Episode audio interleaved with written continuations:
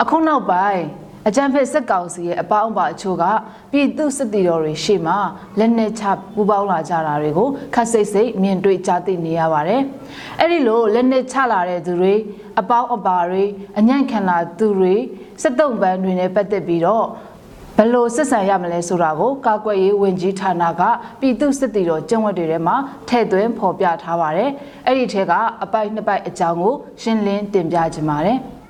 ပထမဦးဆုံးဆွေးနွေးတင်ပြခြင်းတဲ့အပိုက်တစ်ခုကတော့လက်နက်ချအညံ့ခံသူများနဲ့စစ်တုံးပန်းများအားနှိပ်စက်ခြင်းနဲ့တပ်ဖြတ်ခြင်းမပြုရဆိုတဲ့အပိုက်ပါ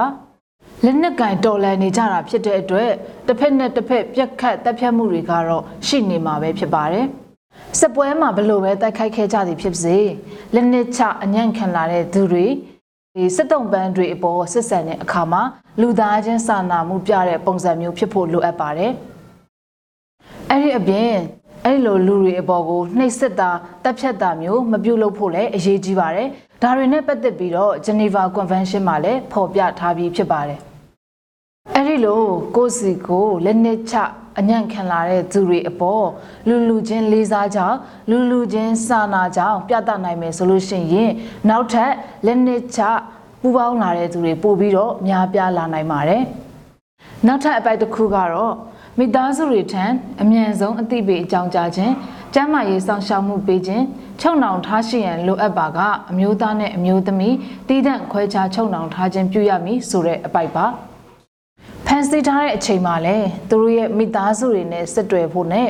လိုအပ်ရင်လူသားချင်းစာနာမှုဆိုင်ရာအကူအညီပေးနေတဲ့အဖွဲ့တွေနဲ့ချိတ်ဆက်ပြီးကျန်းမာရေးစောင့်ရှောက်မှုတွေပေးဖို့လိုအပ်ပါတယ်အဲ့ဒီအပြင်ဖမ်းဆီးခဲ့တဲ့လူတွေထဲမှာ အမျိုးသမီးတွေပါဝင်ခဲ့တယ်ဆိုလို့ရှိရင်အမျိုးသမီးအမျိုးသားတည်တံ့ခွဲခြားချုပ်နှောင်ထားဖို့လိုအပ်ပါတယ်။ဒါကြောင့်ကာကွယ်ရေးဝန်ကြီးဌာနအောက်မှာရှိတဲ့ပြည်သူ့ကာကွယ်ရေးစစ်တီတော်တွေအနေနဲ့အထက်ပါကျင့်ဝတ်တွေကိုလိုက်နာခြင်းအပြင်ပြည်တွင်းသာမကနိုင်ငံတကာကျင့်ဝတ်တွေကိုပါလေးစားလိုက်နာရာရောက်ကြောင်းပြသနိုင်မှာဖြစ်ပါတယ်။လူရဲလို့ပြည့်ညက်ခံရပေမဲ့ လူလူချင်းနှိပ်စက်တက်ဖြတ်နေကြတဲ့လူစိတ်မရှိတဲ့သူတွေကိုတော်လန်နေကြချိန်မှာ